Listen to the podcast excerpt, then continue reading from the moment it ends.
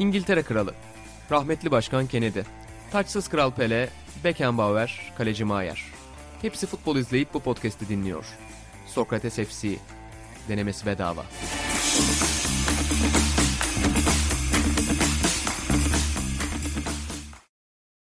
Sokrates FC'den herkese merhabalar. Ben İnan Özdemir, Buğra Balaban ve Atahan Altınordu ile birlikte Sokrates FC'nin yeni bölümünde gündemin nabzını tutacağız efendim. Hoş geldiniz beyler. Selamlar. Hoş bulduk. Girişte bir boşluğa düştüm. Ben bir şey diyecektim. Onu unuttum. Ne diyeceğimi unuttum diye düşünüyordum. Şöyle diyecektim. Atahan Altınordu'ya öncelikle özverisi için çok teşekkür ediyoruz. Çünkü biliyorsunuz zaten Ata Lokantası'nın genel yayın yönetmeni aynı anda. E, bunun yanında da bugün podcast yapacağımızı unutarak plan yapmış. Bir etkinlik sözü vermiş.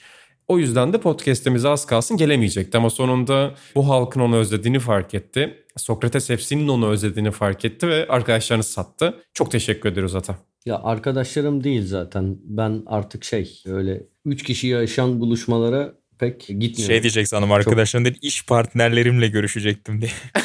Aynen ben de öyle diyecek sandım. Benim Yok, ar- yok. artık arkadaşım yok. Yok yok. Sadece bu pandemi konusunda çok anormal dikkatliyim. Yani sanki iş artık ruh hastalığına varacak kadar dikkatliyim. Virüsü kapsam daha mı uzun vadede daha az kötü mü olur bilmiyorum. Çok dikkatliyim. Neyse konu o değil.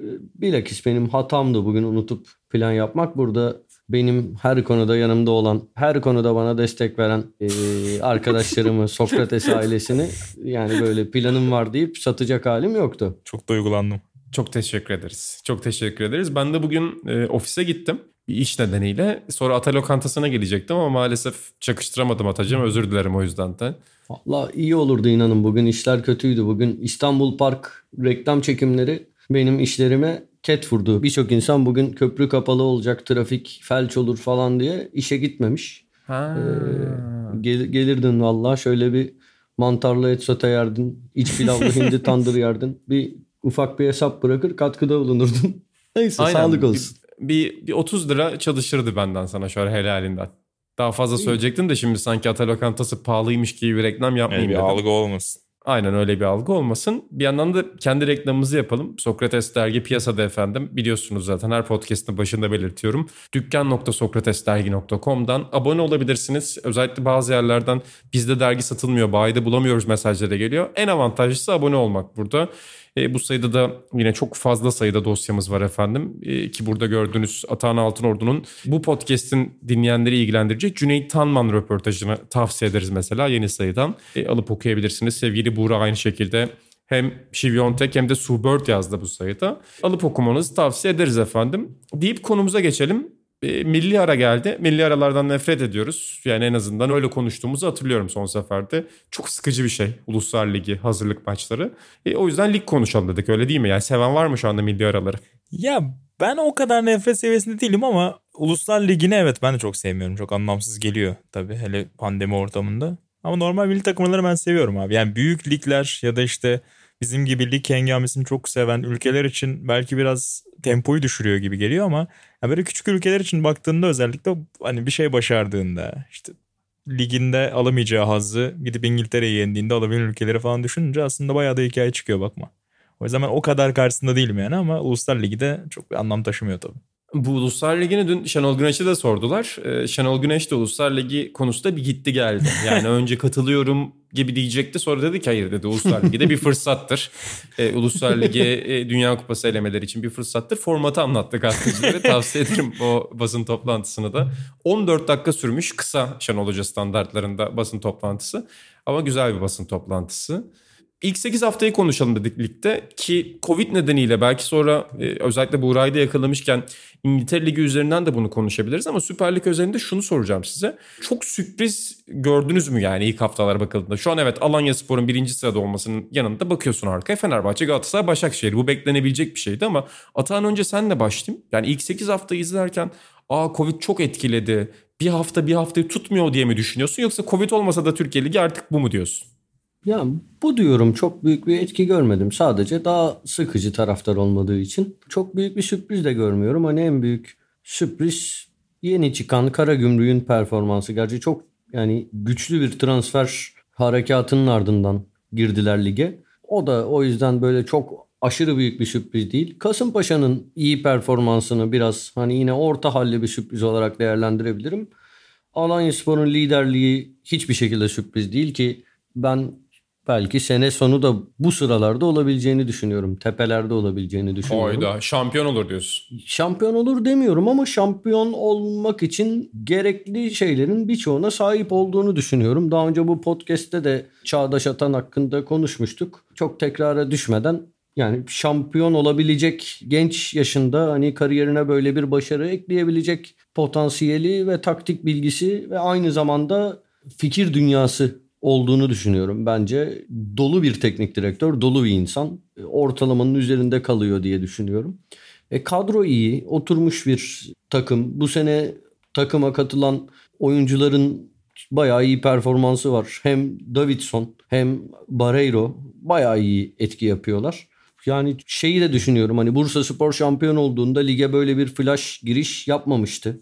Başakşehir şampiyon olduğunda keza böyle bir flash giriş yapmamıştı. İki hafta kaybederek başlamıştı. Alanya Spor'un yenilgisiz hatta maç eksiğiyle lider olduğu bir 7 hafta 8 hafta geçirdik Alanya için 7 totalde 8. Geniş alternatifli de bir kadroları var. Ben Alanya Sporu ve Başakşehir'i şampiyonluk yarışının içinde olabilecek. Başakşehir'i söylemek zaten hani son şampiyon. Sanki böyle bir değişik bir öngörü. Alanya için de aynı şeyi söyleyebilirim. Değil. Fenerbahçe, Alanya Spor, Başakşehir şu an bana şampiyonluğun adayları gibi görünüyorlar. Ben buradan bir manşet çeksem şeyi çekerim. Yani Alanya Spor şampiyon olamazsa bu lige şaşarım. ya da Çağdaş Hoca başarısızlık Çağdaş Hoca için diye bir ifade gördüm ben senden. Alternatif bir kariyer düşünürsen Sokrates'ten ayrılıp spor gazetelerine Ben de manşeti şöyle seçtim. Şampiyonluk adayları arasında Galatasaray'ı saymayan ve Atahan Altınordu. Ya say, saymıyorum açıkçası bu sezon. Geçen sezon bu haftalarda bak bana şey diyorlardı. Yine bu podcast'te konuşmuştuk. Fenerbahçe'nin çok övüldüğü haftalardı. Ben Fenerbahçe'nin performansının abartıldığını düşündüğümü söylemiştim. Fenerbahçe'yi yukarılarda görmediğimi söylemiştim.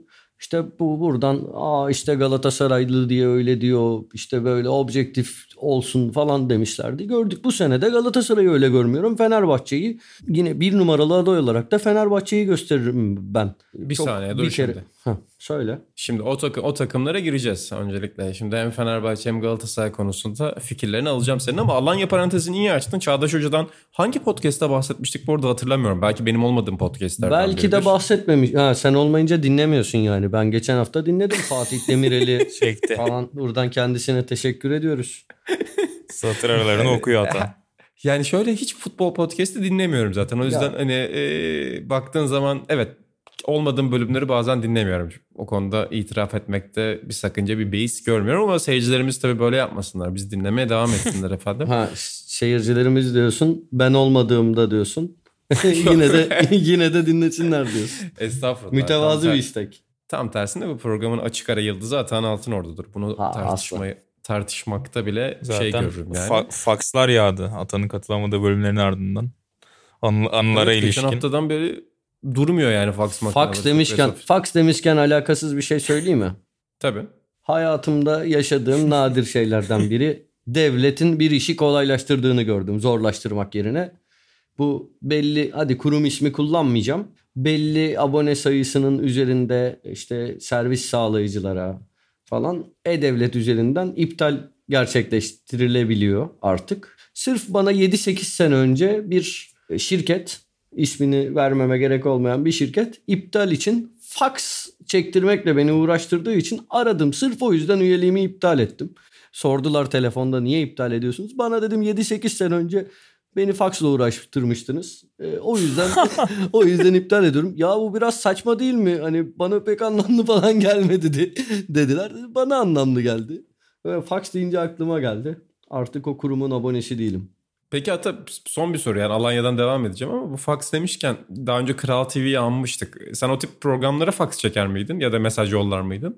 Abi ben hayatımda tek faksı işte bu bir kurumdan aboneliğimin iptali için çektim. Ben onun dışında bir fax ama şey yaptığım oluyordu. Genç TV vardı. Genç TV'de sıradaki şarkıyı telefonla işte arayıp 1 2 3 onlara basarak seçiyordun. Ben hani mesela Ali Güven Yolcu falan gibi böyle çok şey Burak Kut bebeğim. Böyle o dönemler çok sevdiğim Yeşim Salkım Deli Mavi. Böyle şeyleri sırada gördüğümde hemen arardım. Yani öyle. Senden bekliyordum zaten onu. Yani o yüzden de sordum. Ee, ben bir de BBG Sinan ve şeye Popstar Bayhan'a oy verdim telefonla. Abi düşünüyorum ben oy verdim mi diye. Bence ben Popstar'da oy vermedim. Buğra sen verdin mi? Yok abi. Yani Bayhan'a oy vermiş miyimdir diye düşünüyorum aslında. Abi şeyde vermiş olabilirsin. Biz bir kere Öykü'yle Seki'yle... Survivor'da oy verdik. Survivor'da kime oy verdik? Öykü hatırlıyor musun? Adem'e verdik galiba evet. Adem Kılıççı'ya oy vermiştik. Yani iki ikinci Survivor'a katılışında biraz beni kendine itti maalesef e, karakter olarak ama e, İlhan Mansız Serhat Akın senesinde Adem Kılıççı'ya para harcadım ben de. Neyse bu konuyu geçiyorum şu anda. Buracığım kaldığımız... De... Neyse buyur. tamam tamam tamam. Söyle tamam, söyle. Zaten Adem Kılıççı da sporcu o yüzden bir olimpik boksörümüzdür kendisi. O ya ben Adem Kılıççı'yı bağladık. tanımıyorum ama eğer Deniz Seki'nin ona haksızlık yaptığı gecede Bayhan'a oy vermediyse İnan Özdemir'in burada ne kadar vicdansız bir adam olduğu bir kez daha Türk halkının Sokrates FC dinleyicilerinin huzurunda ortaya çıkmıştır diye düşünüyorum. Ama çok Hatta, küçüktük abi biz. Yani senin yaşına göre daha uyuyor mesela. Bayhan'da biz bayağı küçüktük yani. Hani Bayhan'da zaten benim telefonum yoktu. Ee, herhalde annem babamdan rica etsem ulan sen ne diyorsun hani falan derlerdi muhtemelen. O yüzden de oy vermemiş olabilirim. Ablamlar bir şey daha vermiştir. söyleyebilir miyim? Söyle. Bir şey daha söyleyebilir miyim? Bak bence e, halkımızdaki bir değişiklik. Eskiden böyle şeye küçük düşürülen, zayıf kalan e, kişiye bir destek olurdu. Hatta bir de aynı Popstar yarışmasında Selçuk Yapar çok önemli bir gecede şey yapmıştı. Şarkının sözlerini unutmuştu. O böyle üzülüp küçük düşünce Selçuk Yapar her zamankinden daha yüksek bir oy almıştı. Herkes ona destek olmuştu. Bugünse Türk halkı zayıf gördüğümü eziyor. Artık ortalaması halkımızın gücün yanında en güçlü görünen, en e, devirilemez görünenin yanında. Bu bir Sos, sosyolojik bir analiz geldi işte. Evet. Ya hayır estağfurullah ama bir gözlem diyelim. Küçük bir Güzel, gözlem. Yani ha, haklısın bu konuda. Daha Hobbes'a yakın bir toplum olduk. Yani birbirimizi yiyoruz. İnsan insanın kurdudur e, artık maalesef. o bayhanlı yıllar geride kaldı Atacığım. Neyse buradan Alanya Spor'a dönelim bu kadar konuş yaptıktan sonra. Buğra'cığım senin gözlemlerini merak ediyorum. Çünkü Atan'ın çok sert iddiaları var az önce de belirttim. Çağdaş Atan ve Alanya Spor'a dair. Sen onları şampiyonlukta nerede görüyorsun? Ya da klasik bir şey takım mı olacaklar? Yani sezona çok iyi başlayacaklar ama son 6 haftada, son 7 haftada o yarıştan kopan takım mı olacaklar? Ya ben de üst tabloda kalmalarını bekliyorum. Yani şampiyonluk adayı şu andan kestirmek çok kolay değil. O yüzden zaten Ata da net şudur demiyordur tahmin ediyorum ki. Ama ben de ilk 5'te kalacaklarını düşünüyorum. Alanya'yı sadece bu sezonla değil belki şu 3 3 3,5 sezonla değerlendirmek lazım belki de. Onu hatırlamak lazım. Hani en böyle stabil görünen kulüplerden biri Anadolu'da e, Alanya Spor. İşte Sergen Yalçın'la başlayan dönemle gidebiliriz herhalde. Belki hocalar devam etmedi düzenli olarak ama işte Sergen Yalçın da zaten sonrasında İstanbul'a geldi. Erol Bulut bu yıl Fenerbahçe'ye geldi. E, sonrasında da Çağdaş Atan yani o sistemi sürdürüyor. Zaten Erol Bulut'un da yardımcısıydı Çağdaş Hoca. E, onunla beraber devam ediyorlar. Kadroda geçen yıl oynayan oyuncuların birçoğu işte ilk 11'e devam ediyor. Gelen eklemeler önceki iki yılda da hep çok üst düzey katkı verdiğini görmüştük çoğu yabancı tercihinin. Bu yılda Atan zaten tek tek bahsetti Davidson'dan özellikle. Aynı şekilde devam ediyorlar. Yani çok fazla taşla oynamadan sistemi koruyarak gayet başarılı bir şey çiziyor Alanya. Geçen yıl hatta kupayla da taşlanabilirdi zaten. Kupa finali oynadı bu takım. O çizgiyi de koruyor. Bence de üst sıralarda kalacaklar. Bana da öyle geliyor. Sürpriz olarak sormuştun. Onunla da gireyim. Kara evet. zaten Ata söyledi ama Hani evet belki para harcadılar ama önceden de çok fazla takım hatırlıyoruz. Yani böyle acayip 20 transferle giren 10 transferle giren ama sonrasında hiç işler beklediği gibi gitmeyen. Karagümrük o anlamda da şu ana kadar beklediğini aldı. Kaybettiği maçlarda da işte Fenerbahçe ve Alanya'ya kaybettiler yanılmıyorsam. İlk iki sıradaki takımlara kaybettiler. O yüzden e, hani onları da bir kenara bırakırsak o üst seviyedeki iki takıma karşı oynadıkları maçları kalan maçlarda çok iyi çıkardılar. Onların bu kadar üst seviyede kalmasını çok beklemiyorum ama. Yani çok büyük sürpriz olur onların bu çizgiyi koruyup sezon sonunda da ilk 5'te kalmaları. E, peki burada Buğra senden devam edeceğim. Atan'ın da görüşlerini merak ediyorum ki az önce Fenerbahçe'den ufak bahsetti. İşte referans noktası olur ya büyük takımlar içerisinde Hı-hı. her sezon. E, sonuçta ne olursa olsun Alanya Spor'un medya gücü belli. Başakşehir'in zaten gündem yaratma kabiliyeti belli. Ama bu sezon ki zaten medya her zaman Türkiye'de hep söylenir ya iyi oynayan bir Fenerbahçe spor sayfası sattırır diye. Spor gazetesi sattırır diye eskiden bir klişe vardı. E, Fenerbahçe'nin daha güçlü geri döndüğünü görüyoruz. Ali Koç döneminin en güçlü başlangıçlarından birini yaptılar. Gerçekçi bir şampiyonluk adayı var mı Fenerbahçe'ye baktığında görüyor musun yani onları gerçekçi bir şampiyonluk adayı olarak? Evet kesin görüyorum. Yani sezonun ilk haftalarında Galatasaray'ın çok iyi girdiğini görmüştük. Sonra yine klasik Galatasaray kendi içinde bir işte hoca, yönetim bir şeyler oldu. Hatta şimdi de kongre edileceği açıklandı biz podcast'e girmeden bir gün önce.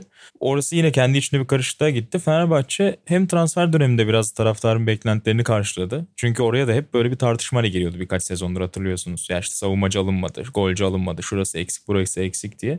Bu kez onu da hani transfer piyasasında da taraftarın yüreğine su serptiler. Sağdaki oyunda bence hiç fena değil. Özellikle kulübenin yetkinliği benim dikkatimi çekiyor izledikçe Fenerbahçe'yi. Son hafta Konya Spor'a karşı belki değişiklikler çok büyük bir olumlu etki yapmadı ama önceki maçlarda hep o kenardan gelen oyuncularla da oyuna sirayet ettiğini gördük Erol Bulut'un. Tek tartışılan konu yani birkaç haftadır özellikle Akan oyundaki sorunları Fenerbahçe'nin ama ben buna farklı bir yönden bakıyorum. Evet Akan oyunda şu ana kadar çok az gol attı Fenerbahçe ama bu süreci az puan kaybıyla geçirmek de önemli. Sonuçta bu Fenerbahçe kadro potansiyeli olarak bu kadar tutuk olmayacaktı sezon içerisinde. Muhakkak bir çözüm üreteceğini göreceğiz bence Erol Hoca'nın. Ama ya Buğra bir de az gol attı ama yani bir maçta 5 tane topu da direkten döndü. Yani öyle bu biraz bana skor yorumculuğu gibi geliyor şey az gol attı eleştirisi akan oyunda. Yani çok pozisyona girdi Fenerbahçe ve tamam hani muhteşem yağ gibi akıyor dakika başı pozisyon buluyor. Çok ideal bir takım şimdiden oldu değil. Çok yolu var. Ama kötü de geçirmiyorlar bu dönemi. Evet pardon lafını yo, böldüm. Çok güzel bir noktaya değindin. Yani daha yolu olmasında normal abi. Yani işte Pelkas, Samatta, Valencia, Sosa yani takımın zaten özellikle hücum planlarındaki parçaların yarısından çoğu değişti.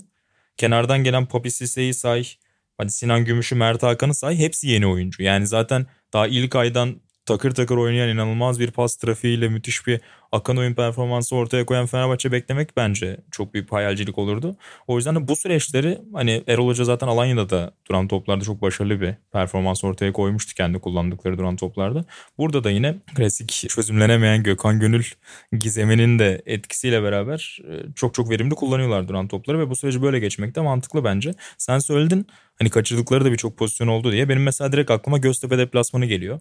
O maç 3-2 bitti belki ama yani Popis'e girdikten sonra kaçırdıkları sanılmıyorsam Sinan'ın da pozisyonu vardı. Yani o maç kolaylıkla 3-4 farka da gidebilirdi örneğin. O yüzden... Abi Antalya Spor keza. keza. Yani tamam dö- dönebilirdi. Antalya Spor 10 kişiyle 1-0'dan 1-1'i buldu. Hatta Podolski 2'yi de atabilirdi.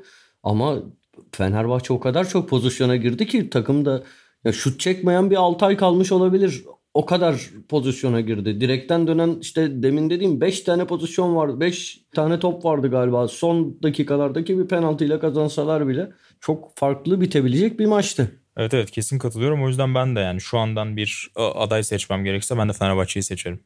Bu arada yani ben bu programa girmeden önce çok ciddi bir araştırma yaptım ve ilk 8 haftanın istatistiklerini çıkardım. Birazdan da kimin çıkardığını söyleyeceğim ben çıkarmadım. e, net gol pozisyonu yaratma, direkten dönen top, maç başına orta, maç başına başarılı orta, duran toptan gol, rakip ceza sahasında topla buluşma. Bütün bu istatistiklerde Fenerbahçe lider ilk 8 haftada.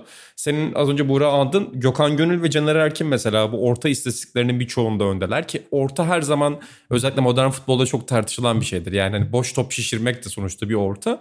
Ama yani Fenerbahçe'nin bütün bu istatistiklerde bir şekilde en başta olduğunu söyleyelim. Bu arada istatistiği de Oyuna Devam programının editörü Canberk Atik çıkardı. Ben ondan çaldım şu anda. e bugün Canberk Atik Sokrates'i bir yerden alıp bir yere götürecek bir adamdır ya. Her yayında, her şeyde onun katkıları çok büyük.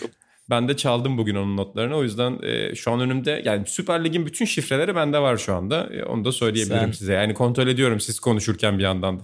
İnanın ben araya tek cümle şunu eklemek istiyorum. Evet Caner Erkin. Ben tek cümle şimdilik sadece şunu söyleyeceğim. Ortalardan bahsettiğin için. Caner Erkin evet e, o istatistiklerde yukarılarda olabilir. Ama ben biraz Fenerbahçe'yi bozduğunu düşünüyorum. Hem savunma yönünde güvenilir bir oyuncu değil. Bu sene de bunu gösteriyor artık. Yani yaşı itibariyle hiç değil. Hem de yani topların birçoğu onda toplanıyor. Onun ortalarıyla bitiyor birçok pozisyon. Bence olması gerekenden fazla sayıda pozisyon. Daha dengeli bir oyun oynayabilir bence Fenerbahçe Caner'siz. Yani şey bu Caner kötü falan diye demiyorum ama artısı kadar eksisini de göz önünde bulundurmak gerektiğini düşünüyorum. Onu ekleyeyim. Yani Novak Peki, gibi de bir alternatif var. Abi sana şeyi soracağım. Erol Bulut hakkında ne düşünüyorsun? Yani sonuçta çok bir anlamda istim üzerinde bir görev. Yani çok parlak bir antrenör ama e, başarısızlığa şu anda kısa vadede tahammül edemeyecek bir yapının başında şu anda. Ha, bence çok doğru bir zamanda geldi Fenerbahçe'ye. Önce Abdullah yani çok doğru bir kariyer çizgisi var bir kere. Yani yaşı zaten çok genç. 40, 45 yaşında falan. Hatta tam 45 olabilir. Abdullah Avcı'nın yanında taktiksel şeyi e, bir nasıl diyeyim fikri olan ya oturmuş bir yapının içinde stajını yaptı. Sonra Alanya Spor'un başına geçerek kendini kanıtladı. Hatta önce Malatya Spor'da ardından Alanya Spor'da çok da başarılı sonuçlar elde etti. Yani şey Malatya Spor'da özellikle hani kupayı da katarsan o son senesinde yarı yarıya neredeyse galibiyet oranı vardı yanlış hatırlamıyorsam. Alanya Spor'da zaten geçen sene iyice potansiyelini gösterdi. Doğru bir zamanda Fenerbahçe'nin başına geldi ve bence sabredilecek yani sabredilmeyecek bir noktada da değil. Bu sene başarısız olsa bile bence takımda kalmalı Fenerbahçe ondan uzun vadede yararlanabilir. Şey de var mesela az önce Çağdaş Atan'ı yücelt, yüceltmek ne haddimize yani şey diyeyim övdüğümüz sebeplerden Erol Bulut'u da e, övebiliriz. Yani şey şimdi Burada mı konuşmuştuk bilmiyorum. Belki arkadaş arası sohbette konuştuk. Belki başka yayında ben konuştum. Belki dinle bilmiyorum ama. Yo ben sana ee, hiç Çağdaş Atan konuşmadım. Hayır hayatımda. şey var sonuçta dünya futbolunda son 10-12 senede taktiksel bir değişim, dönüşüm var. İlhan hep söylüyor bazen birlikte şikayet ediyoruz. İşin çok taktiğe dönüşünden, teknik direktörler üzerinden konuşulmasından ama bu tabii ki bunu göz ardı ettiğimiz anlamına gelmiyor. Ortada böyle bir gerçek de var. E, Türkiye bunda geç kaldı. Birçok işim o dönüşümü gösteremedi. Lig de haliyle o dönüşüme girmedi. Hala bireysel becerilerle veya ligin belli şifreleriyle, belli kısa yollarıyla veya böyle bir havayla, bir motivasyonla e, şampiyonluklar, başarılar oluyor. Tabii ki bunlarda hiç taktik yok demiyorum. O çok cahilce bir yorum. Hatta işte şey der Fatih Terim hiç taktik bilmez sadece motivasyonla bilmem ne falan hani bunları tabii ki söylemiyorum. Ama o dönüşümün de içine giremedi Türk futbolu. E kim giriyor şimdi? Okan Buruk giriyor. Erol Bulut giriyor. Çağdaş Atan giriyor. Hani bunlar bence Türk futbolunun önümüzdeki 10 yıllarını şekillendirebilecek insanlar. İnşallah da öyle olur. Biz de o yapının parçası oluruz. Hep hatta yani olmalıyız da biz hep konuşurken herkes televizyondaki yorumcular, gazeteler, Twitter bilmem ne herkes böyle bir şeylerden şikayet ediyor. Kimse şeyi söyleyemiyor. Yani Türkiye sanatta niye geri gittiyse, ekonomide niye geri gittiyse, her şeyde niye geri gittiyse aslında futbolda da o yüzden geri gidiyor. Liyakatsizlikten dolayı, iş bilmez insanların her şeyin başında olmasından dolayı geriye gidiyor. E böyle genç ve kendini geliştiren, yenileyen, yeniliğe ayak uyduran insanların e, ben mümkün mertebe takımların başında kalıp onlara yön veren ve Türkiye'nin geleceğini çizen insanlar olmasını istiyorum her alanda. O yüzden ben Erol Bulut'un mesela çok başarılı olmasını istiyorum. Ve Abi, iyi de gidiyor. Çok güzel bir yere değindin. Yani Çağdaş Atan, Erol Bulut ya da herhangi bir anlamda söyleyebiliriz bunu. Yani sonuçta medyada her zaman bu hocalara ya da yeni fikirlere sabredilmediği üzerinden bir edebiyat yapmayı sever. Ama o fikirleri mesela açıklamak ya da o fikirleri doğru tanıtmak konusunda hiçbir yardımcılıkta bulunmaz ya da hiçbir şekilde görev almayı tercih etmez. Ya da mesela daha başka bir alandan örnek vereyim. Bizim yeni sayıda da röportajı var. Canerelere konuştu. Emre Sakçı şu anda Türk sporunun en parlayan yıldızı. Olimpiyatta belki bize bir yüzme madalyası getirecek. Ama mesela ya da Ayşe Begüm Onbaşı'nın üzerine de bu çok konuşulurdu. Şey kalıbı vardır Twitter'da. İşte futbolcu olsaydı adını duyardınız ama bu kız jimnastikçi. İşte futbolcu evet. olsaydı onu konuşurdunuz ama bu çocuk bu çocuk yüzmede Avrupa rekoru kırıyor. Şimdi medya bunu ürettiği zaman bana çok saçma geliyor. Zaten medya onu konuşsa bunun şikayetini etmek zorunda kalmaz. O yüzden Türkiye'de böyle bir sıkıntı var maalesef. Yani sen onu konuşmadığın sürece o konuşulmayacak abi belki de. O yüzden sen sorumlu kal başkalarına şikayet etmek yerine. Ee, çok güzel bir yere değindiğin için bunu söylüyorum. Derken Fenerbahçe'yi kapatmadan Burak'cığım. son bir cümle söyleyeyim mi? Atı çok güzel şeylerden bahsetti Hı-hı. ama Bir de bu seneki Fenerbahçe'nin bence abi güvenle bakmasını sezon içine sağlayan konulardan bir tanesi de savunma merkezi olacak. Yani Tisserand ben çok beğendim şu ana kadar e, ilk 8 hafta performansını.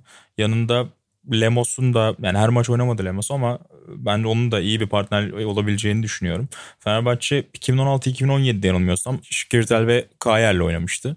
Ve çok güvenilir bir arkası vardı. Sonrasında Kayer gitti. Takip eden sene şampiyonluk yarışının içindeydi Fenerbahçe 2017-2018'de. Hatta ligin en çok gol atan takımıydı sanırım. Ama işte Nöştater'in stoper oynadığı ve onun çok fazla hatasıyla e, yenilen golleri hala Fenerbahçe taraftarının hatırladığı o sezon mesela.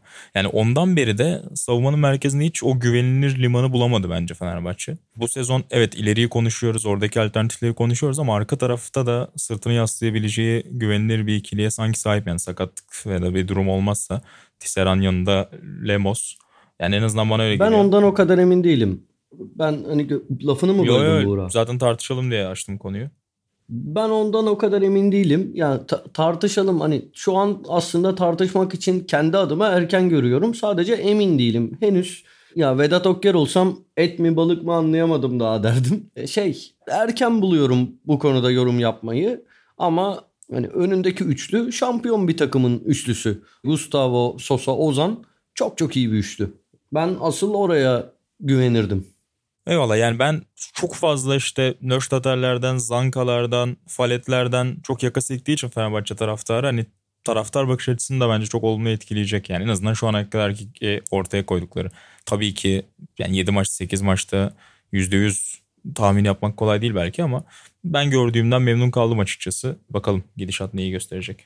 Bu kadar Fenerbahçe konuşmuşken az yani 10 saniye önce aldığım bir mesajı da burada spontane bir şekilde Hayda. e, yansıtmak isterim. Heyecanlandık. Fatih Demireli geçen haftaki podcast'imizin yıldızı. Fatih Demireli ya dedi senle paylaşayım dedi. Mutlu olmuş. Davumla röportaj yapmıştı biliyorsunuz. Onaylama yani şey onun şeyine e, davuma göndermiş hani böyle böyle e, röportaj bu şekilde diye. Az önce davum aramış Fatih'i. Benimle yapılmış en iyi röportaj olabilir. Tebrik ederim, teşekkür ederim demiş. Gözlerimiz Hayda. yaşardı ki Vallahi. o röportajda ne kadar zor anlar yaşadığını da geçen haftaki bölümümüzde anlatmıştı. Buradan Fatih Demireli'ye bir çağrı yapmak istiyorum. Hani benim Almancam yok. Davamı O kitabı iki, o, o kitabı inşallah Türkçe'ye çevirsin Fatih. Türkçe'de de yayınlansın isterim. Davımı okumak isterim. Ya ben şunu diyorum tabii ki inşallah yanlış anlaşılmaz. Fatih Demireli adamsa ki öyle e, davuma getirir Sokrates FC'ye. Ben bunu söylüyorum. Ben şey yapmak istemiyorum. Bu cinsiyetçi söylemlere papuç bırakmak, prim vermek Helal istemiyorum. olsun. Seni kendi utancınla baş başa bırakıyorum. Buğra da benim yanımdadır. Bu arada ben senin girişinden şey dedin ya Fatih sadece bana söyledi Aynen. kimseye paylaşma dedi. Insider haberi vereceksin sandım bir Yok, anda ben burada söylemek istedim. Fatih paylaşım yani paylaşmak istedi. Şimdi gidip Twitter'a yazamaz, şey yapamaz bununla. Övünemez. Mahcup bir delikanlıdır Fatih Demireli. Bir gurbetçi çocuğudur. Öyle. Ben de söylemek istedim burada. Bu arada size şey de sorayım o zaman hazır. Sen programın başında ata objektif gazeteciliğinden bahsederken Galatasaray üzerinden de biraz yorum yapmıştım bu sene özellikle. E, Galatasaray şimdi bir seçime gidiyor ki yani Galatasaray kongreleri kadar komplo teorisi dönen ya da tartışma dönen en azından tartışmasını izlerken heyecanlandığım çok az kongre vardır Türkiye'de. Fakat son yıllarda biraz eski kongrelerin tadını alamıyorum. Bilmiyorum belki de eski isimlere daha aşina olmamla alakalı olabilir bu başkan adayı olan isimlere. Ama yanımızda Galatasaray camiasını çok yakından tanıyan bir isim var. Galatasaray'da başkanların birçoğu Atay'a gelir önce e, aday olma sürecinde. Nasıl buluyorsun Ata şu anda Galatasaray'ın durumunu? Yani hem oyun anlamında hem de kongre sürecinde ne olacak sence? Yani Galatasaray şu an nereye doğru gidiyor? Abi ben senden tamamen e, ayrıldığım bir nokta bu. Ben inanılmaz sıkılıyorum. Hatta bir şey söyleyeceğim. Yani tabii çok fazla Galatasaray kulüp üyesi tanıdığım, dostum, abim var. E, inşallah hiçbiri beni dinlemiyordur. Onlar da yani çok sevdiğim insanlar olsa bile bazen beni bu kulüp içi muhabbetleri anlatarak o kadar sıkıyorlar ki anlatamam sana. İnanılmaz sıkılıyorum.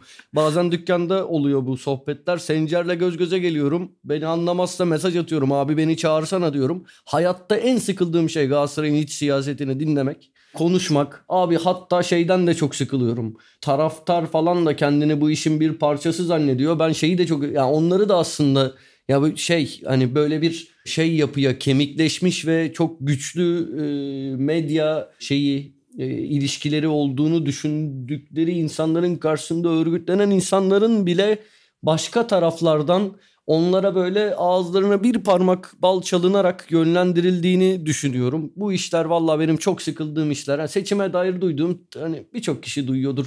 Konuşuyorlar da falan hani e, insider bir şey değil. Seçim yapılamayabilir falan hani onları biliyorum. Ama abi benim sıkıldığım konular ben sevmiyorum ya. Bir, ben bunlarla ilgilenmeyi bu arada şeyde bıraktım. Hani bir ara kulüpte çalışıyordum. O dönem mecburen ilgileniyordum ama abi Özcan Can Aydın gibi hani olabilecek o dönem için sonra daha kötülerini gördük Türkiye'de. Ee, ama olabilecek en kötü başkanın 3 dönem seçildiği bir yapının içerisinde ben herhangi bir seçimle ilgilenmiyorum abi. Benim ilgimi çekmiyor. Çok sıkıldığım konular. Şöyle bir fark herhalde abi. Ben yani hiç bunların muhabbetini duymadığım için e, benim için bir tek başına bir etkinlik. Yani öncesindeki süreçte de çok az şey duyuyorum ama tabii ki sen çok daha işin içindesin o anlamda. Yok Burada değilim özel, abi. Özel, Valla değilim. Özel olarak senin muhabbetini sıkan biri var mı bu arada? İsmini belirtelim dinlemiyordur yani. Hani... Yok abi ne olur ne olmaz. Çok da sevdiğim insanlar. Sadece bu kulüp siyaseti o işte böyleymiş şu şöyleymiş. Ne kadar sıkıldığımı anlatamam yani. Hakikaten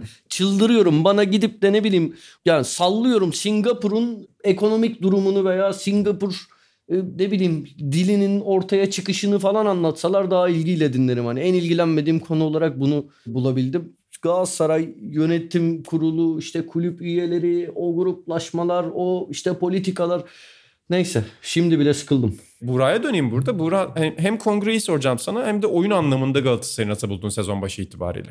Abi kongreler yani beni de boyuyor biraz açıkçası. Ben de çok takip etmiyorum doğrusu. Ee, o yüzden o zaman bu bölümün yavaştan sonuna geldik. Üzgünüm bu konuda. senin Aynen, ben, varsa onları senden dinleyelim ee, birazdan. Sağ içi ya ben kadro olarak gayet iyi bir kadro olduğunu düşünüyorum Galatasaray'ın açıkçası. Yani orta sahada Taylan bir sürpriz oldu. Belki Taylan'ın bu kadar iyi başlamasını sezona kimse beklemediği için orta sahanın çok zayıf olacağını düşünüyordu ama Taylan da böyle oynarken ben inanılmaz bir zayıflık görmüyorum yani Türkiye Ligi standartında. Evet bir opsiyon daha olsa tabii ki çok daha rahatlardı Galatasaray orta sahası. Ama onun dışında özellikle işte hücum tarafında evet bugün bu sezon çok iyi oynamıyor belki ama sezon içinde hep oyun iş çıkışlar oluyor Fegoli'de görüyoruz. Hani tekrar çıkacağını varsayarak kağıt üzerinde bir sezonluk hesap yaptığınızda Fegoli gibi bir oyuncunun, sezona iyi başlayan Belanda'nın, işte Emre Akbaba'nın belki sakatlık öncesi kadar olmasa da yine yer yer faktör olabileceğini düşünüyorsunuz. Emre Kılınç benim beklediğimden çok daha iyi bir başlangıç yaptı. Ee, bu yıl Sivas Spor'dan kadroya katıldığından hemen sonra. E, bekler belli bir seviyenin üzerinde. Arka taraf güven veriyor. Evet sonuçta Muslera'sızlık çok önemli bir eksi ama orada yapabileceğiniz bir şey yok. Yani hal böyleyken ben kadronun gayet yeterli olduğunu düşünüyordum. Sezonu başlangıcı da çok iyi oldu Galatasaray'ın. Oynadığı futbol işte Gaziantep maçı, Başakşehir maçı aklımızda ama o derbiden sonra yani sadece saha içiyle açıklanabilecek bir sorun değildi sanki o. Yani saat 2 zaten sonrasında kongreye kadar giden bir süreç oldu. Sağ dışında her sene genelde yaşıyor Galatasaray böyle buhranı. Bu kez biraz daha erken oldu sanki. Ve sanki bir anda her şey çok ters. Kadro çok yetersiz. Her şey çok kötüye gidiyor bir hava oluşmuştu. Neyse şimdi o biraz dağıldı. Son 3 haftada gelen galibiyetlerle beraber ama hala Galatasaray'ın inanılmaz futbol oynadığını söyleyemeyiz. Yani ben izlerken pozisyon sayısı anlamında mesela işte Fenerbahçe izlerken çok daha keyif alıyorum örneğin ama Galatasaray maçları çok sıkıcı geçiyor bence bu sezon. Yani o ilerideki kalabalıktan verimli bir sonuç çıkaramıyor Galatasaray. Henüz diyelim en azından o bir, bir iki haftadaki maçları bir kenara bırakırsak. Orada da tabii biraz işte Falcao'nun formsuzluğu. Arkada Fegül'den istendiğinizi alamayışınız gibi sonuçlar var. Yine de ben kadronun yeterli olduğunu düşünüyorum. Yani biraz daha belki hani kongreden sonra daha kafaca rahat olur kenar yönetimi ve saha içi. Oraya da etki edebilir diye bekliyorum. Ama potansiyel olarak yarışta kalacak bir takım görüyorum Galatasaray'da. Ata senin ekleyeceğin bir şey var mı? Diğer takımlara da biraz değinelim mi? Ben tamamen katılmıyorum. Ee, yani tamamen katılmıyorum derken tamamen muhalifim değil. ee, Biz değille. Ee, yani şey söyledikleriyle tamamen emfikir değilim Buğra'nın. Ben kadroyu yetersiz buluyorum. Mesela yani sadece şu şununla söyleyebilirim. Hani bu senenin Galatasaray adına en iyi oyuncusu herhalde Taylan Antalyalı. Bir de hani çok herkes tarafından beklenen bir performans değildi. Yarın Taylan'ın başına bir sakatlık gelse ki bu sıkışık takvimde olası da bir şey. Galatasaray'ın o bölgeyi götürebilecek, güvenilebilecek e, bir oyuncusu yok. Yani bunun Abi dışında bunun ama ben ilk 11'e baktığında genel da- bir sorun olduğunu düşünüyorum. Mesela Tisserand sakatlandığında Fenerbahçe'nin de orayı doldurabilecek bir oyuncusu yok. Ya da Niye mu? Gustavo Ser- Serdar Gustavo sakatlandığında abi Serdar'ı görüyoruz işte bir iki senedir şey yani. Serdar o Gustav- seviyede karşılayamayacak sonuçta. oynuyor yani oynuyor bilmiyorum veya şey abi hani Gustavo sakatlandığında hani Fenerbahçe'de bir süre için en azından orada Ozan Tufan değerlendirilebilir. Ne bileyim İşte önceki sezonlardaki kadar oluyorsun Şey- abi o zaman. Niye olmuyorsun? Ozan mesela şu an hani tam Gustavo ile aynı rolde oynamıyor ama önceki sezonlardan çok daha kendine güvenen ve formda kendini geliştirmiş, takımın lideri olmuş bir Ozan Tufan var. Yani Ozan Tufan'ın oynadığı bölgeye ki çok yabancı olduğu bir bölge de değil. Şey diyemezsin Gustavo'nun yokluğunda. Orada Ozan var, zayıf diyemezsin. Galatasaray'da dersin ki yani sadece Taylan için de söylemiyorum. Bir birazcık idare eden, birazcık kıpırdanan bir Arda Turan'ın göklere çıkarıldığı, yani gü- güvendiğin oyuncu, yani Galatasaray'ın güvendiği oyuncu 3,5 senedir futbol oynamamış. Başakşehir'de son dakikada oyun işte zaman geçirmek için oyuna alınan bir oyuncu olabilir mi? Yani ve- veya işte şey hakikaten Falcao'nun tamam ben bu arada hani kötü bir sezon başlangıcı yaptığını düşünmüyorum. İyi hatta bence. Ama güvenemiyorsun. Belhanda'nı, Belhanda'ya, Feguli'ye güvenemiyorsun. Bunlar istikrarsız oyuncular. Yetenekli ama istikrarsız oyuncular. Bir maçla bir maç arasındaki dalganın çok fazla olduğu oyuncular. Şey öyle ne bileyim Saratçı'ya öyle güvenemiyorsun henüz. Bilmiyorum. Ben bayağı yetersiz buluyorum kadroyu. Yani şey değil bu Galatasaray asla şampiyonluk yarışında olamaz değil. İlk yarının yarısı bitti. Diğer yarısı da bittikten sonra e, Galatasaray hala buralarda olursa geriye düşmezse ki biraz fikstür avantajından da söz edebiliriz. Çünkü Galatasaray Başakşehir deplasmanını geride bıraktı. Sivas zor bir deplasmandır. Geride bıraktı. Hani ilk yarı için konuşursak Kışın Erzurum Fenerbahçe ile oynadı. Evet Fenerbahçe ile oynadı. Alanya Spor'la oynadı. Ligin yukarı, yukarıdaki takımların hepsiyle oynadı. Alanya, Fenerbahçe, Başakşehir. Hepsiyle oynadı. İşte dediğim gibi Sivas gibi bir deplasman, Erzurum gibi bir deplasmanı geride bıraktı. E, şey olursa Ocak'ta bir dokunuşla ki orada şeyi de hesaba katmak lazım. Doğru düzgün bir sezon arası olmayacak. Tek devre gibi devam edecek birlik var e, biliyorsunuz. 21 takımla beraber dediğin gibi çok öyle vakit Evet, kalmıyor. evet. Bu dahiyane fikrin e, farkını orada göreceğiz. Yani O bir da anda bili- ortaya. O da biliyorsunuz lig biterse yani. Şimdi aşı maşı inşallah olur bunlar da neyse o toplara girmeyelim. E, Ocak'ta bir dokunuşla e, transfer döneminde belki yine şampiyonluğa ya hele ki işte hala Türkiye o dönüşümü tamamlamadığı için ya sadece bu sebepten değil tabii. Ve Fatih Terim'in o süreçleri yönetme becerisinden, tecrübesinden, gücünden dolayı bir anda şampiyonluğun favorisi haline de gelebilir ama bence şu an kadro eksik ve Galatasaray pek bir şeyde oynamıyor. Çok çok çok kötü maçlar izliyoruz. Yani çok sıkıcı maçlar izliyoruz her şeyden önce. Yani bir Fenerbahçe'yi, Alanya Sporu, Başakşehir'i izlemek çok daha keyif veriyor insana. Öyle. Ben bunun da kadroyla alakalı olduğunu düşünüyorum. Yani kadroyla da alakalı olduğunu düşünüyorum. Yani şurada kulis konuşmadınız. Galatasaray'ın iç sorunları üzerine 10 dakikadır birbirinizle çelişiyorsunuz. Yazıklar İşte olsun. Kavga kongrelerde edilecek kongrelerde olsa- böyle geçmiyor Ayak- zaten. yani kavga edeceksiniz bari başka şeyler üzerinden etseydiniz kardeşim. Bir Neyse. seçelim seçelim işte ne bileyim Buğra Burak Elmasçı olsun. Ben şeyci olayım. Her seçimlerde sırf ismini duyurmak için aday olan ama kulüple çok alakalı onlardan birini seçeyim. Ee, bunları tartışalım bir programda. Ben birici olacağım. Tamam. Sen bul kendine zaten. Bu arada çocukken. Burak Elmas'ı çok severdim. Ben Burak Elmas'ı bütün bu şeylerden, siyasetten bağımsız konuşuyorum. Kulüp içi siyasetlerden, muhalefetlerden, işte birine yapılan sosyal medyada bir anda hep birlikte yapılan açıklamalardan falan bağımsız konuşuyorum. Ee, son yıllardan onları da takip etmiyorum. Ben küçükken Burak Elmas'ı çok severdim. Kendisiyle hani daha sonra sohbetimiz de oldu. Saygın bir insan olduğunu düşünüyorum. Uluslararası temsiliyet yeteneği olan bir insan olduğunu düşünüyorum. Galatasaray tecrübesi de var. Sadece bu açılardan hani Burak Elmas'la ilgili birkaç olumlu şey söyleyebilirim ama dediğim gibi o iç politikaları falan onların ayrıntılarını hani çok bilmiyorum veya biliyorum da sıkılıyorum girmiyorum oralara. Peki şunu soracağım son olarak. Yani yavaş yavaş toparlayıcı bölüme geliyoruz. Ee, Fenerbahçe, Galatasaray, Alanya Spor, biraz Başakşehir konuştuk. İki tane hayal kırıklığı yaratan takım var. Tepe takımlardı. Tabii ne kadar hayal kırıklığı olduğuna siz karar verin. Kısaca yorumlarınızı alacağım orada. Siz de Beşiktaş'ta bir bu hayal kırıklığının devam edeceğini düşünüyor musunuz? Buğra burada sana sorayım öncelikle. Bir de yani tabii ki öngörmesi çok zordur böyle şeyler ama Trabzonspor da başka bir krizin içerisinde. Geçen sene kaçan şampiyonluk sonrası Eddie Newton'la devam ettiler. Devam etmediler. Eddie Newton'u getirdiler. Olmadı. O takımın devamı olarak düşündüler. Şimdi Abdullah Avcı ile anlaştılar. Abdullah Avcı onlar için bir çözüm olur mu? Önce Beşiktaş sonra Trabzonspor üzerine kısaca notlarınızı alacağım. Ee, yani Beşiktaş için zaten çok kolay olmayacağını işlerin sezon başında o kadro yapılanmasıyla işte o mali krizin zaten açık açık yaz boyunca konuşulmasıyla herhalde tahmin ediyorduk yani. Ben hiçbir Beşiktaş taraftarının mutlak şampiyonluk hedefiyle bu sezonu açtığını düşünmüyorum. Evet tabii ki hiçbir zaman 10. 11. sırada Beşiktaş tatmin etmeyecektir taraftarları ve elbette biraz daha yukarılarda olmasını bekliyoruz. Ama yani bilmiyorum kadroya baktığında da işte Fenerbahçe'nin kadrosundan bahsettik. Galatasaray'ın performansını çok beğenmediğimizi ama kadro kalitesinin en azından ben hani hatta soru işaretleri olduğunu söyledi ama hani Beşiktaş kadrosuyla kıyasladığında mesela çok çok daha tak kabul edebileceğin, çok daha memnun olacağın bir kadro isim isim baktığında mesela Galatasaray kadrosu.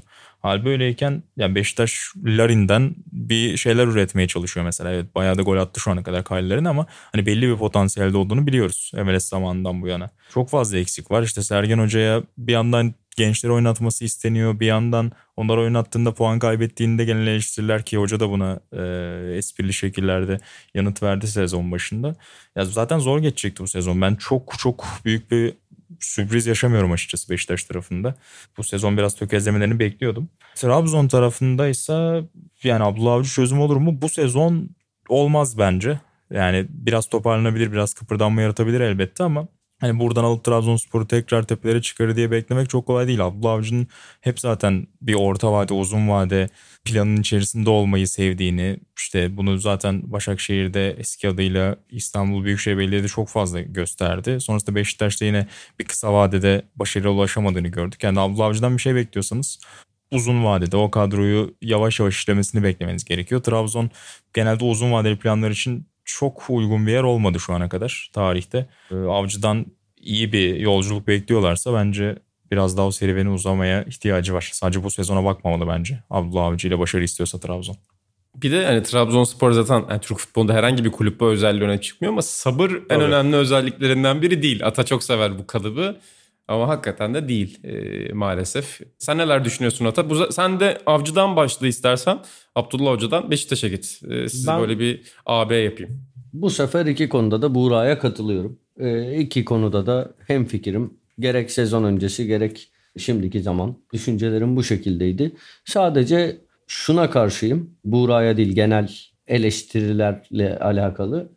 Şimdi Evet, Trabzonspor yönetimi bugüne kadar teknik kadro istikrarını, daha doğrusu teknik direktör istikrarını çünkü yardımcılarla devam ettiler. Sağlayamadı. Çok fazla teknik direktör değiştirdiler ki Ünal Karaman süreci, onun gidiş süreci bir skandaldı. Fakat yani işte böyleyken o zaman Abdullah Avcı mı getirilir? Siz zaten teknik kadro istikrarına inanmıyorsunuz.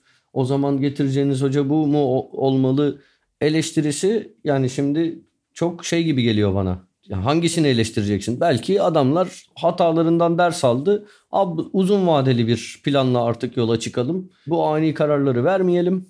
Takımı da ona göre birine emanet edelim. Bu da Abdullah Avcı olsun diye yola çıktıysa hani bu böyledir demiyorum. Böyle çıktılarsa o zaman doğru bir tercih. Şu da olabilir abi ki o da çok mantıksız değil. Yani seçenekler içerisinde en iyi şu anda boşta olan hoca bizim için herhangi bir kulüp için Abdullah Avcı. Hani senin kulüp karakterinde sabırlı olup olmamandan da bağımsız bir şey söylüyorum.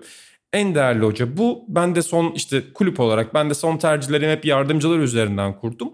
Bu sefer bir kurucu hocaya, bir sistem hocasına doğru götüreyim bu işi ve bir şey deneyeyim. Olabilir hakikaten de orada. Umarız yani. Olabilir. Beşik'te Beşiktaş'la ilgili ekleyecek bir şeyim yok zaten Buğra'ya. Aynı fikirdeyim Beşiktaş'la alakalı. İlk 8 haftanın seni en çok şaşırtan şey ne oldu peki Süper Lig'de? Benim kon- konuşmak istediğim bir şey vardı o yüzden soruyla girdim direkt.